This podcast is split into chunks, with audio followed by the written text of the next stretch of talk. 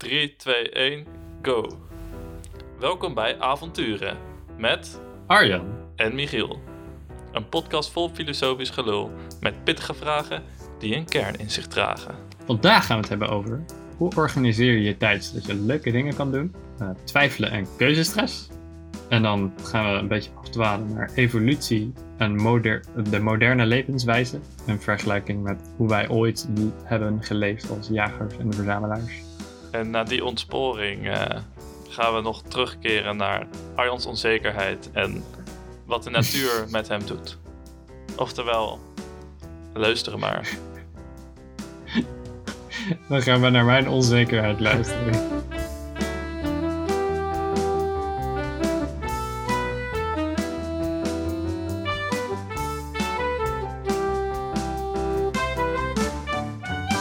Michiel, Dus ik was net aan het vertellen dat ik eh, dat je niet kan zien of ik een broek aan heb. ja inderdaad. Ehm, hij was net heel sexy zijn zijn shirt uit aan het doen. Want het is daar zo warm, hè? Dat is dan zijn excuus. Maar stiekem wil hij gewoon heel, heel sexy doen. De verwarming staat hier best wel hard op en opeens is het weer meer dan 10 graden. Na zo'n koud weekend. Dus even wennen. Oh, ik wou zeggen binnen. Oh, het is zo warm, het is wel 10 graden. Oh. Ja. Nee, vroeger ging ik wel naar school fietsen en dan eh, bij 10 graden nog zonder jas, omdat ik het dan te warm kreeg op de fiets. Wij hadden een 15 graden regel. Mijn ouders wilden niet dat ik naar buiten ging zonder jas. eh, als het onder de 15 graden was. Het is echt heel grappig. Ook echt zo Super. strikt. Eh, Super willekeurig, ja. Oh, het is 14 graden. Nee, dat mag het niet. Of zo. Ik Denk ook een beetje met, het- met het idee dat je ziek wordt als je. I don't know, als je, als je, als je in de kou loopt. Maar dat heeft niet zoveel met kou te maken. Nou, ook wel een beetje. Whatever. Ik ben geen medisch expert. Ik ook niet. Dus laat ik daar maar geen uitspraak over doen. Ik wil even beginnen met wat ik nu aan het drinken ben. Want het is echt heel erg lekker. Het is ehm, eigenlijk spa-rood, maar dan met een cactus en peren smaakje. En het is echt heel erg lekker. En ik zou het iedereen aanraden. Maar ik probeer geen ehm, reclame te maken. Ja. Maar ik ben een fan. Nou, je kan het in ieder geval goed verkopen. En, eh, kijk, ik heb geen idee of het waar is. Want ik zie jou gewoon uit een glas drinken waar iets doorzichtigs in zit. Dat het gewoon water zou kunnen zijn. Nou, er zitten, nee, er zitten belletjes in, hè? Ja, het kan alsnog water zien. zijn. Met prik. Nee, nee, nee. Nou ja, laat, ja oké. het kan ook gewoon prikwater zijn. Maar eh, klinkt goed. De tip van de podcast. De eerste is alvast binnengehakt. Ja. Oké, ja, maar we gaan het gelukkig ook nog wel even over, wat interessantere dingen hebben. Allereerst, de sneeuw is voorbij. Ja, afgelopen week was er eh, sneeuw gevallen en ijs. Eh, iedereen heeft eh, ges- geschaatst. Of heeft wereld op het ijs gestaan zonder schaatsen. Als ze geen eh, schaatsen hadden of ze kunnen niet schaatsen. Of ze haten schaatsen. Ik weet het niet. Maar ja, dus de sneeuw was afgelopen week. En jij wou iets kwijt over wat het doet met je brein. Ja, want ik merkte dat zodra er sneeuw lag, tenminste zodra het ging sneeuwen, toen werd ik heel enthousiast. Ja, sneeuw, oeh. Dat hebben we echt zo lang niet meer gezien hier in Nederland. En ik was ook een beetje van de onderstelling dat wij gewoon eigenlijk geen winters meer zouden krijgen vanaf. Ja, eigenlijk vanaf dit jaar, vanaf twee jaar geleden eigenlijk al. Ja, Ehm, en toen sneeuwde, toen dacht ik, oh ja, wat fijn. Ook tijdens die stomme lockdown, dat je dan eventjes een momentje eh, een beetje weer kon ademen of zo. Heel raar. Ehm, dus eh, mijn beleving veranderde helemaal zo van de wereld. mhm. Het is gewoon puur door een laagje wit op de wereld. En dat is, op zich is dat logisch, maar ja, ik weet niet. Het is toch wel, is toch wel bijzonder hoe, hoe erg dat je stemming kan veranderen of zo. Ik weet niet of jij dat ook had. Nou, ik had dat ook wel een beetje. Vooral dan die eerste dag. En dan heb je gewoon zo'n zin om een sneeuwpop te maken.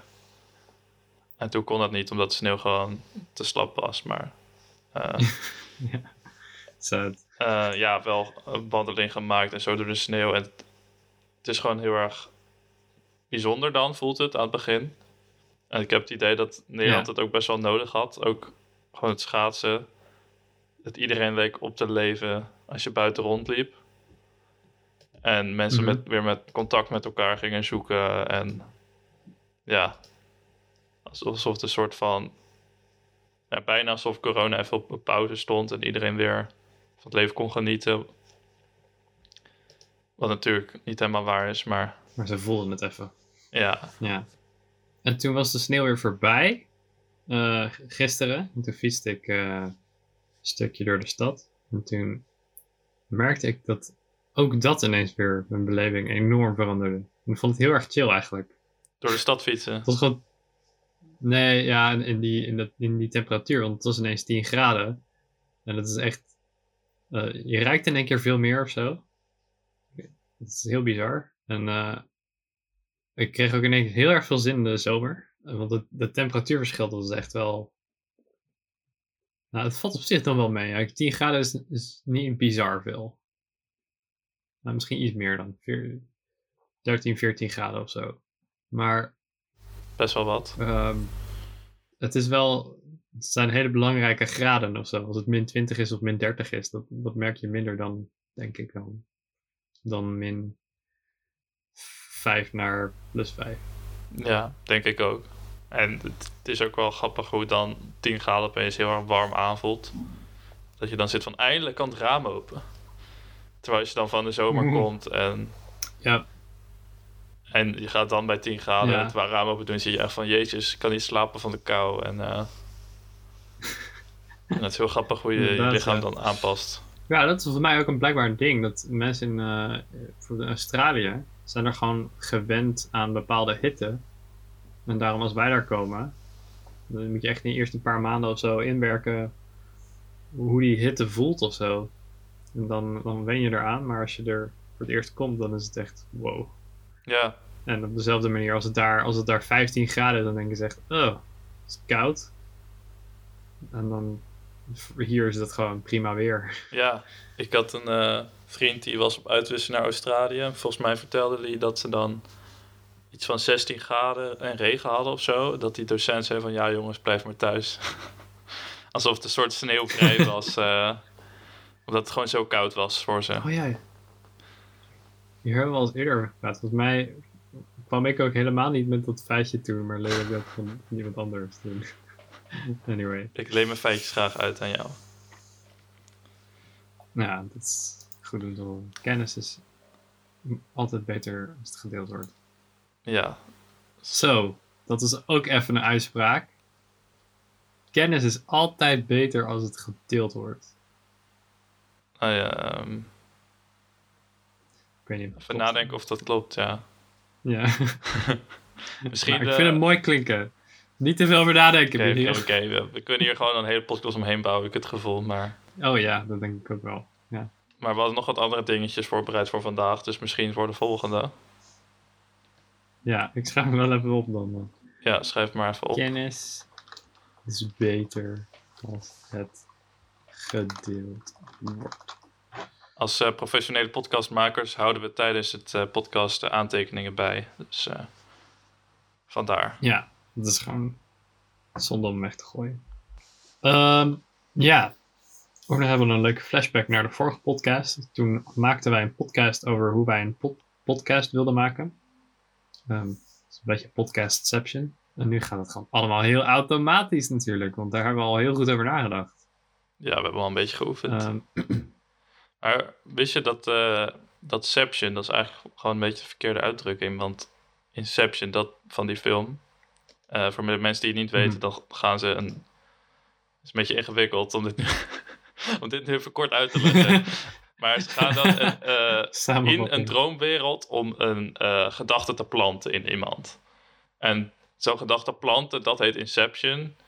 En de afkorting Inception eh, lijkt dan te slaan op dat je een droom in een droom zit. Dus dat je dingen heel meta in elkaar zitten. Ehm, dus ze gaan dan ook in een droom, in een droom. Dat is waar dan dat Inception naar refereert. Maar eigenlijk betekent het dus dat planten van, van die gedachten. Eh, dus dat is eigenlijk helemaal niet waar die term op slaat. Dus eigenlijk is het een beetje verkeerd gekozen. Maar iedereen weet wat je bedoelt. Dus dan is het gewoon prima. Maar dit even als achtergrond. Probeer nou... Je probeert gewoon een meme te ontkrachten. Dat is echt onbegonnen werk. Ik hoop dat je dat weet. Ja, maar we hebben toch gezegd... Kennis moet je altijd delen. Dit is mijn kennis. Oh, dus je bent het eens met de stelling. Ha! Schaak me af.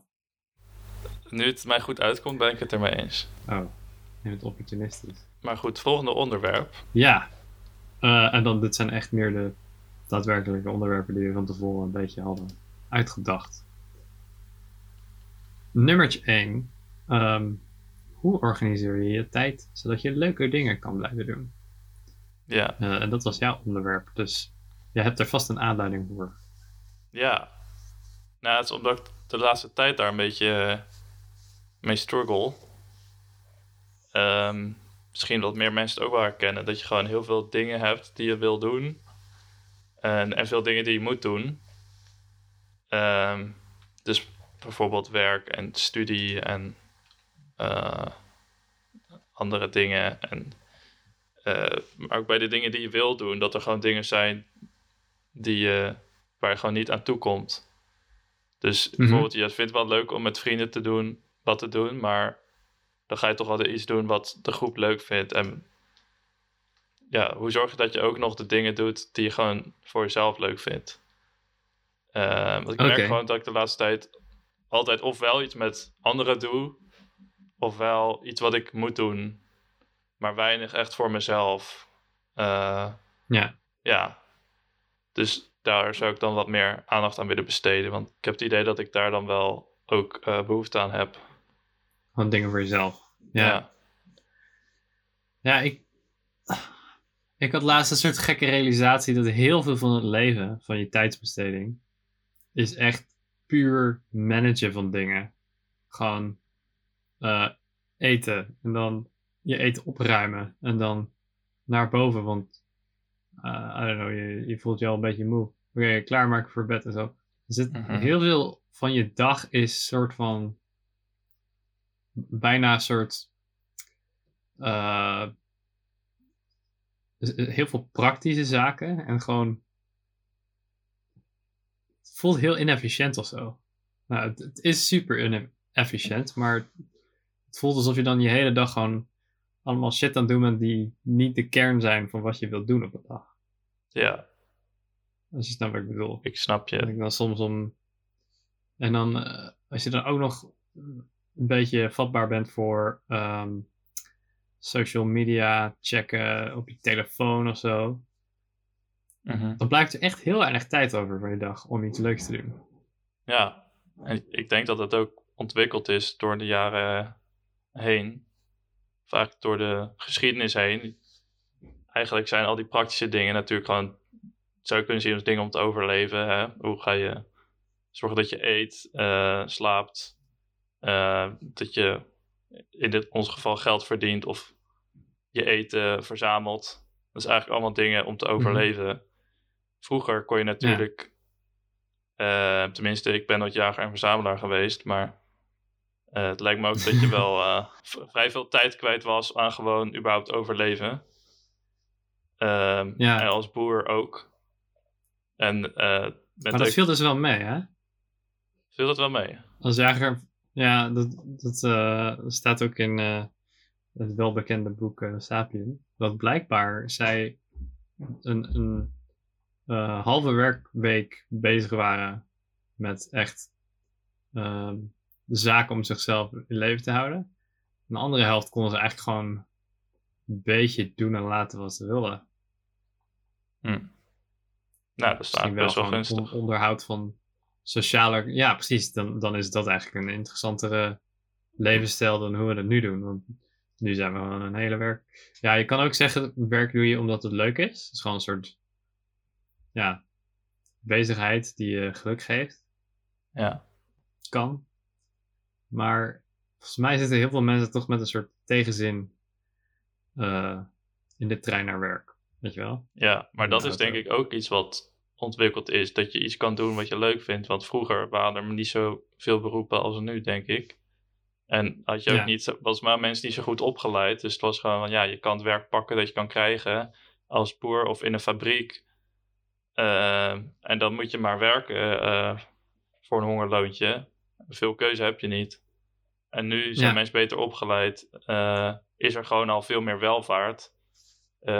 Kijk, er, dus door de industrialisatie wordt er gewoon al genoeg voedsel geproduceerd en dergelijke. Waardoor we het niet met z'n allen hoeven te doen. Dus kunnen we allemaal andere beroepen oppakken. En ja, daar heb je ook veel meer vrijheid in. En kun je ook op een gegeven moment inderdaad iets kiezen wat je leuk vindt. En ik denk dat dat ook wel, ja, als dat kan, wel belangrijk is om ook te doen. Omdat je daar ook toch een groot deel van je Ja. tijd aan besteedt. En ik denk dat hetzelfde toepasbaar is op je vrije tijd. Dat wij in onze vrije tijd veel meer mogelijkheden hebben dan mensen die nou ja, jager en verzamelaar waren. Of boer, ik weet niet over welke Mhm. tijd je het had. Ehm, dus ja, die hadden misschien nog wel vrije tijd, maar wel veel minder opties dan wij nu. En lagere levensverwachting Ah, en ja. dergelijke. Dus Tot op, tot op zekere hoogte, ja. De levensverwachting was vooral heel laag onder, onder kinderen. Maar als je eenmaal leeft, of leefde, dan was het leven... Ja, ze werden niet 89, 89 maar ze, ze werden wel 60 volgens mij. Maar 50, 60. Dat is een Ja. beetje wat ik me herinner. Maar het leven lijkt me alsnog wel minder prettig. Ja, dat weet ik dus niet. Want ik, ik heb het idee dat heel veel van onze, eh, van ons brein, hoe dat in elkaar zit, is allemaal gebaseerd op een omgeving en, en een eh, situatie die wij compleet hebben veranderd. Dus eh, waar wij voldoening uit halen, dat was voorheen, werd, eh, ja, dat had een evolu- evolutionaire betekenis. Dus eh, het was ja, goed om, weet je wel, sport en spel, dus eh, voetbal of zo. Dat vinden we nu zo leuk. Om, waarom gaan we achter een bal aan, met z'n allen? Omdat we daar een soort ja, breinstructuur voor hebben meegekregen Mhm. vanuit onze evolutie. Ja, Wat jagen heel erg aan het. eh, jagen heel erg triggerde, denk ik dan, weet je wel. ja Eh, omdat ja, gewoon überhaupt Dat je dat bewegen, leuk vindt. dat maakt eh, ja, stofjes aan in je brein waar je blij van wordt. Nou, maar niet zomaar bewegen, want als je gewoon hard bewegen loopt, dat vinden Als je hard loopt ook. Ja, ja, ja, ja. Maar spel Ja, nee, is natuurlijk nee, een extra element, omdat dat ook echt je brein misschien stimuleert en je skills aanleert. Eh, dat is ook waarom kinderen denk ik heel veel spelen. Ja. Ja. En ehm, voorheen waren dat niet alleen kinderen. Zeg maar nu, ik denk ook wel dat dat, dat, dat ook destijds waren het vooral de, de jongsten misschien. Maar die echt keihard aan het rennen waren. Maar als je, weet je met je groep mee wilde mee op wilde trekken, dan moest je wel fit blijven, zeg maar. Ja, Anders dan eh, blijf je achter. Word je achter, ja, achtergelaten. Dus ik denk ook wel dat het best, best wel een vrede wereld was op een bepaalde manier. ja dat denk ik ook. Eh, maar dat, dat je wel in de tijd die je leeft en de, tijd, de tijden die het, dat het goed gaat, dat het goed ging, best wel een voldoenend leven was op dezelfde manier. En dat wij nu, weet je wel, het feit dat, dat wij eh, bijvoorbeeld in, in het Westen zijn er best wel veel mensen depressief eh, depressie, ja, ik, ik denk niet dat depressie nou een heel groot ding was in de jagers- en verzamelaarstijd. En misschien als, je, als er so- sociaal iets ver- verkeerd ging of zo. Maar het idee van, oh shit, ik weet niet wat ik moet doen met mijn leven. Ik denk niet dat, dat daar überhaupt over werd nagedacht, zeg maar. Nee, omdat er dus ook niet zoveel opties waren. En Mhm. ik denk dat zij misschien niet eh, een soort het probleem van het sociaal isolement niet hadden, maar misschien juist meer meer hadden dat ze conflicten hadden, omdat je de hele tijd op elkaars lip zit. Bedoel, als je een twee Ja. weken gaat kamperen met, eh, een groep mensen, dan aan het begin is het heel leuk. En eh, aan het einde dan kan het ook wel weer wat irritaties ontstaan en zo. En ja, het is prima, want je gaat daarna gewoon weer naar huis. Maar als je dan gewoon altijd zo zit. En stel Ja, je, aan- je- er is iemand die veroorzaakt problemen, dan kan je niet eventjes naar huis, want je zit daar met z'n allen. Ja. Je zit in een groep Ja, en je kan niet, thuis. ja, je kan, je kan eh, waarschijnlijk alleen niet overleven. Ja. Dus, en dan heb je nog Maar andere dat- groepen waar je misschien weer tegen moet vechten en, eh, Ik denk dat dat heel erg meeviel hoor. Dat eh, de competitie, ik denk, of concurrentie. nou ja, Maar eh, volgens mij zit concurrentie best wel in de menselijke aard. ja, ja, ja, ja, nou ja, als je een andere groep tegenkomt, dan blijf je bij je eigen groep natuurlijk. Maar vraag me af, ik denk dat oorlog pas echt van de grond kwam toen we ons gingen settelen. Ja, zou Dat, kunnen. eh, dan, dan moest je je bezittingen beschermen en zo. Eh, maar wat- oh ja, nou ja, ehm, het is natuurlijk ook heel erg een, een cultuur die wij gevormd hebben of zo. Ehm, zeg maar, je had het net over dat als je in eh, als je gaat kamperen met een groep mensen, dat je dan na drie weken ook wel weer goed gezien hebt, zeg maar. Mhm. Maar eh, dat heeft denk ik ook te maken met hoe wij, waar wij waarde aan hechten. Zo.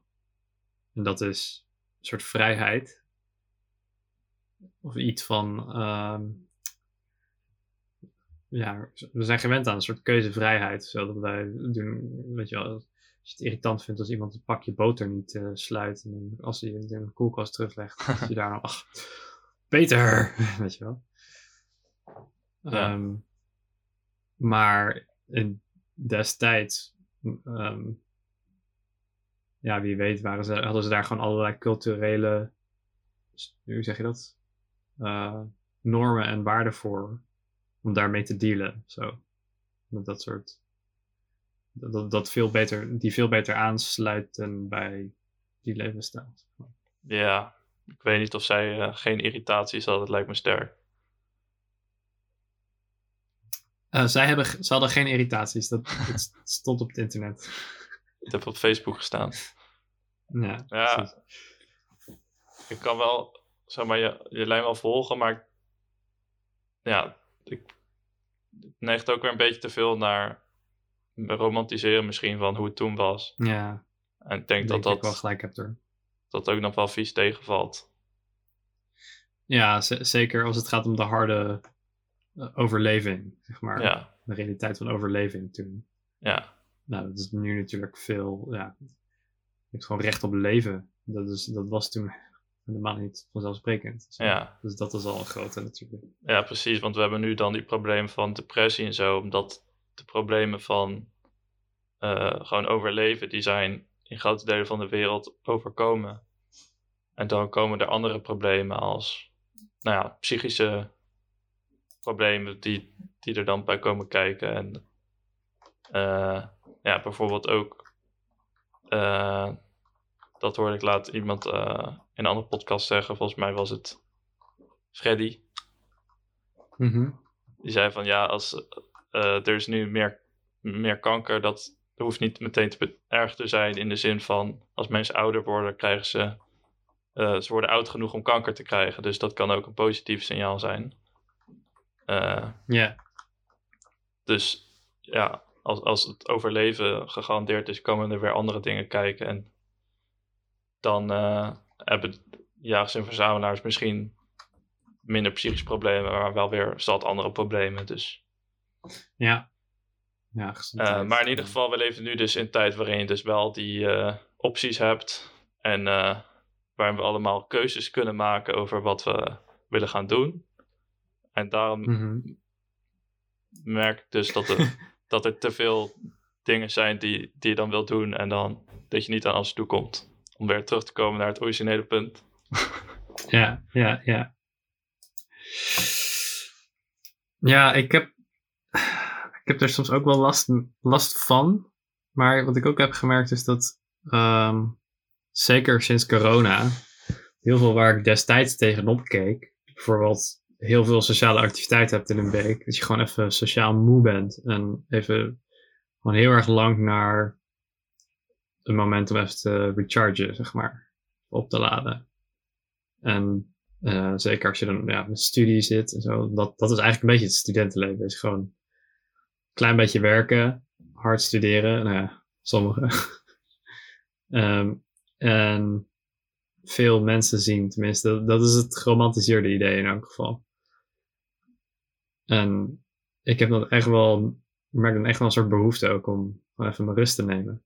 Maar nu we eenmaal die rust hebben in de lockdown, merk ik ook anderzijds dat dat is ook heel demotiverend op een gegeven moment. Als je daar te veel van hebt, is ook niet goed. dan, Ja. dan raak je daar gewend aan en kom je in een soort, ja, soort low terecht, zeg maar. In plaats van een, van een high. Zwart gat. Ja.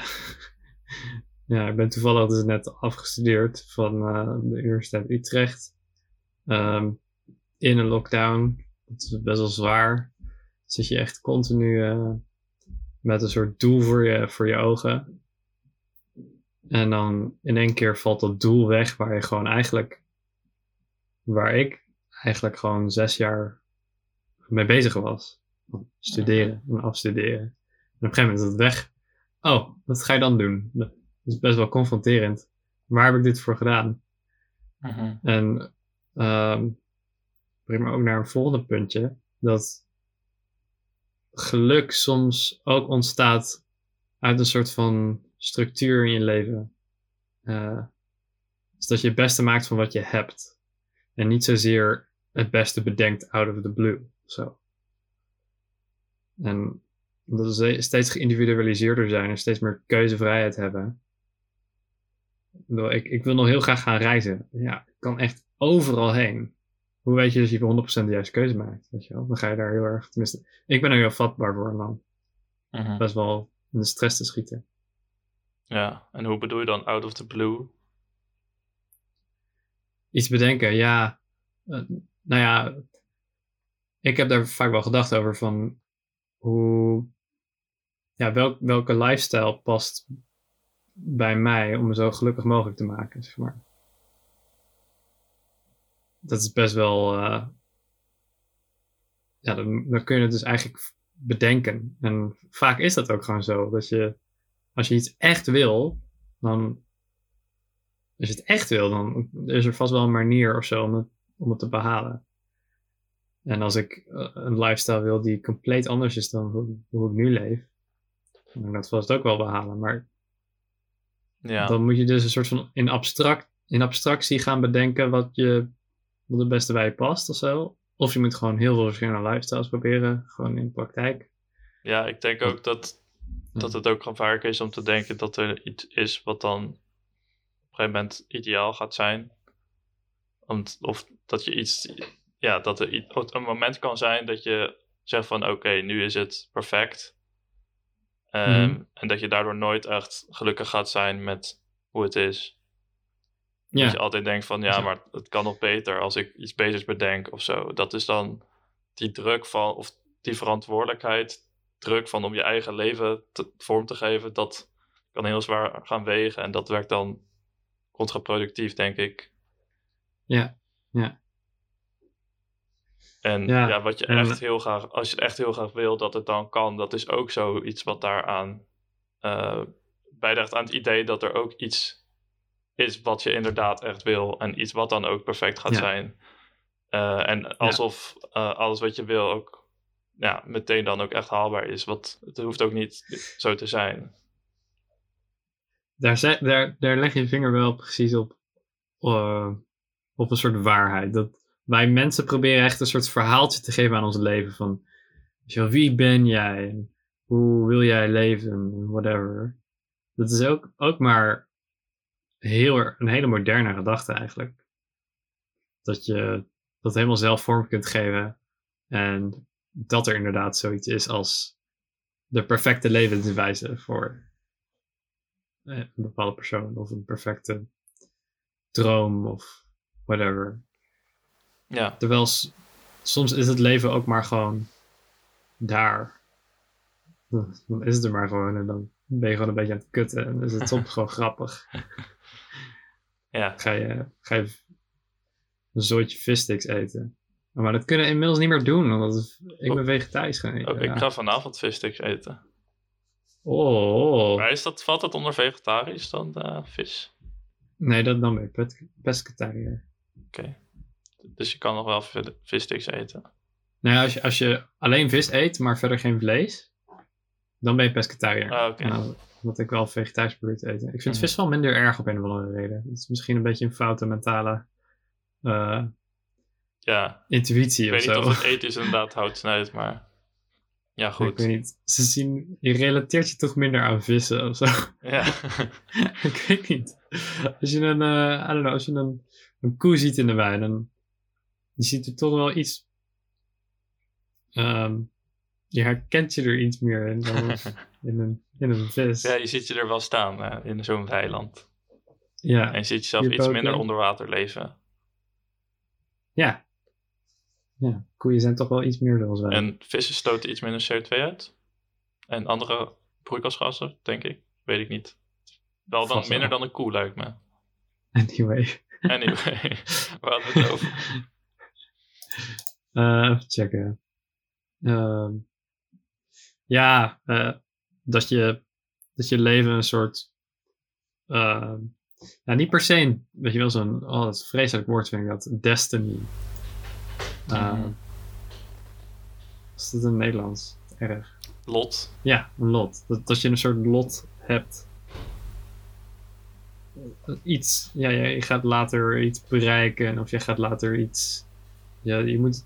Je hele leven is een soort kristallisering van wat jij wil gaan doen. Hoe jij wil leven. Zo. Hm.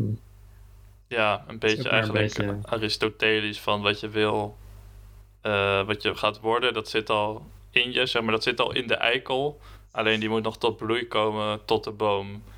En dat is Ja. je lot, je destiny. Ja. En dat moet jij gewoon zelf uitzoeken. Want jij bent een vrij individu, dus jij moet daar de keuzes Ja. maken. En dus, ja, als het dan uiteindelijk geen boom wordt, maar een, een bankje of zo, dan, dan heb je het dus zelf verneukt. ja. ja, dan heb je zelf jezelf in stukken geza- gezaagd. Ja, en ik denk van iets echt graag willen of echt ergens voor gaan, dat is wel misschien noodzakelijk als je echt ergens wil komen, maar tegelijkertijd is het niet altijd genoeg. Want ja, iedereen die dan het, Ja. het gemaakt heeft, die zegt van ja, je moet gewoon in dromen geloven, en dan komt, kom je er wel. Eh, maar ja, dat hoeft helemaal niet zo te zijn, want iedereen die, er, die dat gehaald heeft, die gelooft in zichzelf. Maar ook heel veel mensen die in zichzelf geloven, halen het niet. En die krijgen Ja. geen podium om te zeggen van... hé, hey, je, je hebt meer nodig dan in jezelf geloven om te halen. Ja, Omdat ze het dus niet hebben selection gehaald. bias. Ja. Ja, precies. Dus het is een soort bias.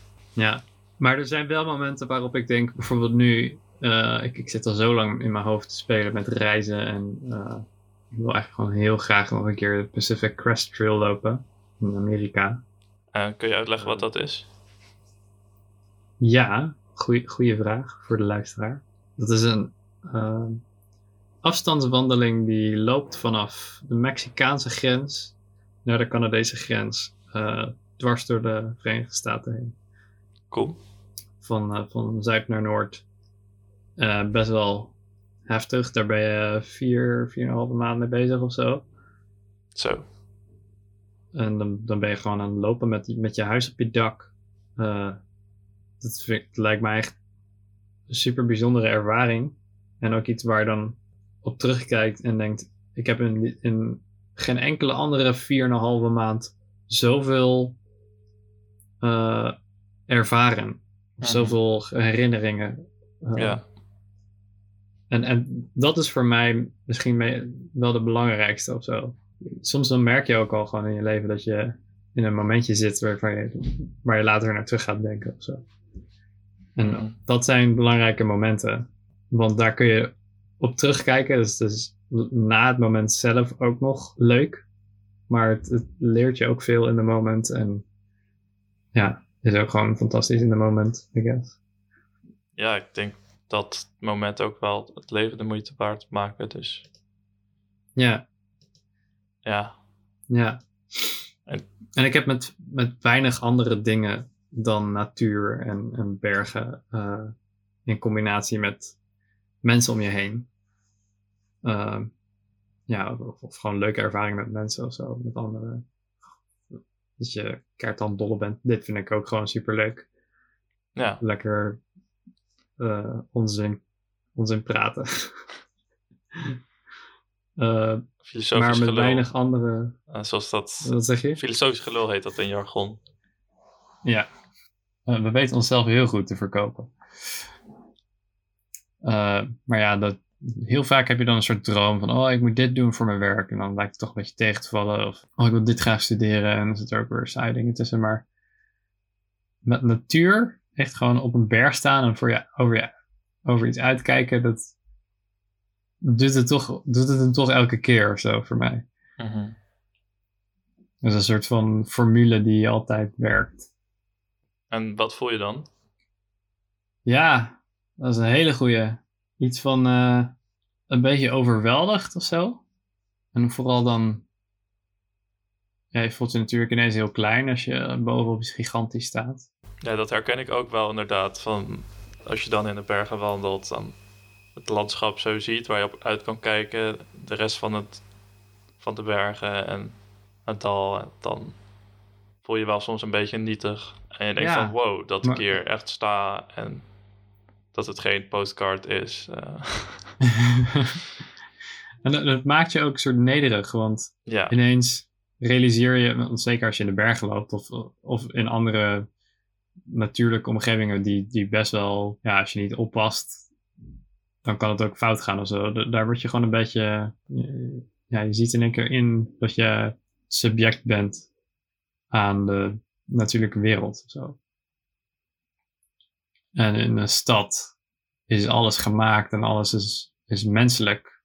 Dus je bent subject alleen aan, aan andere mensen en hoe, wat zij doen. En dat voelt toch anders.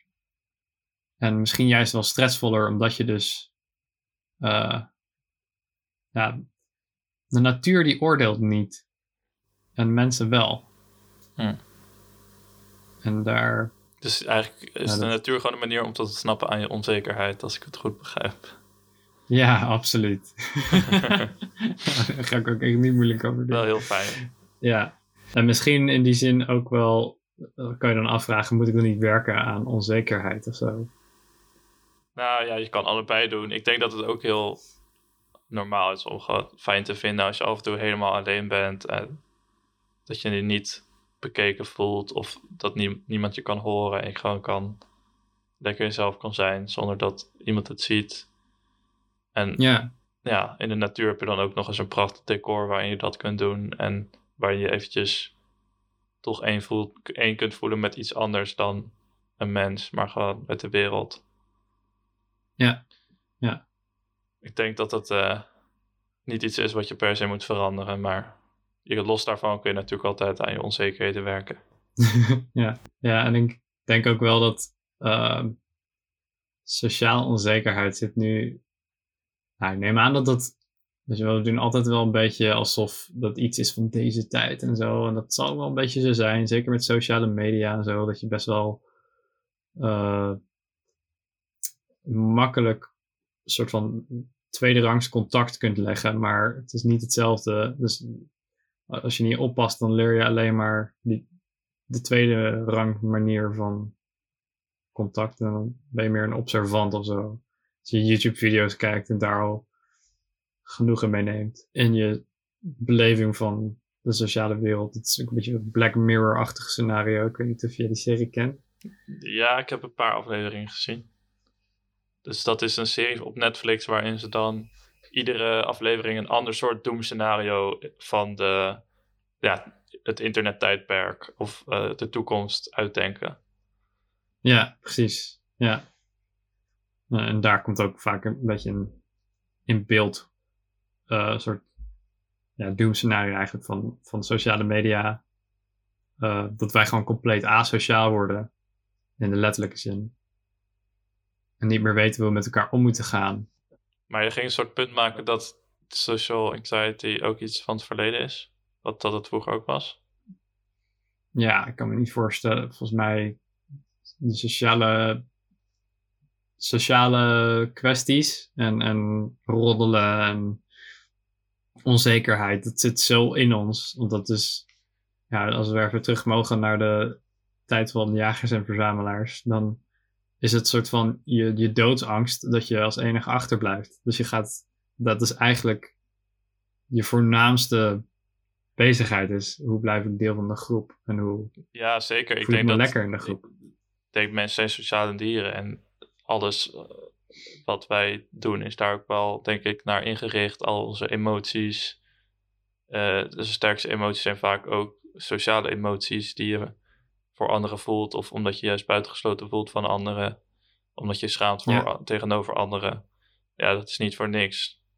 Maar ik denk dat anxiety of echt onzeker zijn, zoals dat nu soms ook bedoeld wordt, dat denk ik dan een soort verschil weer in Hoe ernstig? het is, niet, het is niet alleen van ik ben bang wat anderen denken, maar ook gewoon überhaupt eh, contact maken. Of gewoon, weet ik veel, iemand bel, belangst bijvoorbeeld. Of Ja, dat zijn, ja, het zijn misschien wel dingen gelinkt aan die eh, sociale angst van wat anderen denken, maar weer op een andere manier misschien dan die andere dingen die ik net noemde. Mhm. ja, En ja. Ik, het zou kunnen dat dat nu meer is dan vroeger. Maar ja, we- ik denk ook niet dat wij daar echt een goed orde over kunnen vellen.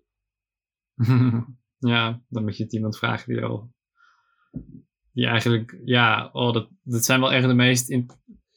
Want ik denk dat wij nu iets qua technologie iets hebben meegemaakt. Dus tenminste, dat, dat mensen die nu 90 zijn. echt zo'n gigantische stap hebben meegemaakt in technologie. Ja, Maar van, van de tijd dat er nog geen televisies waren. Naar iedereen die elkaar continu bezighoudt met appjes. En continu opkijkt naar Instagram influencers en modellen en zo. ja. Ja, de ongelofelijke ontwikkeling. Ja, dat doet ongetwijfeld iets met je brein. Dus dat zou ook wel, hè? Dat geloof ik ook wel.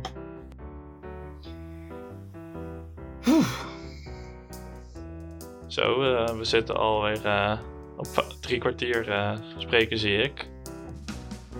Zo. Misschien is dit voor eh, deze aflevering dan genoeg. Eh, ja, we hebben lekker veel, eh, lekker veel onderwerpjes aangetikt. Ja, dit was avonturen met Arjan. En Michiel. Heel veel bedankt voor het luisteren. En tot de volgende. keer. Hier kunnen we nog gaan werken.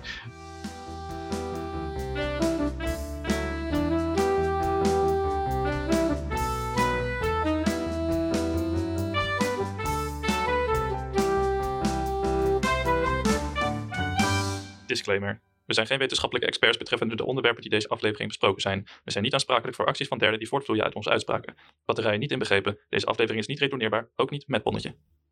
Maar wacht, dit is toch gewoon gratis?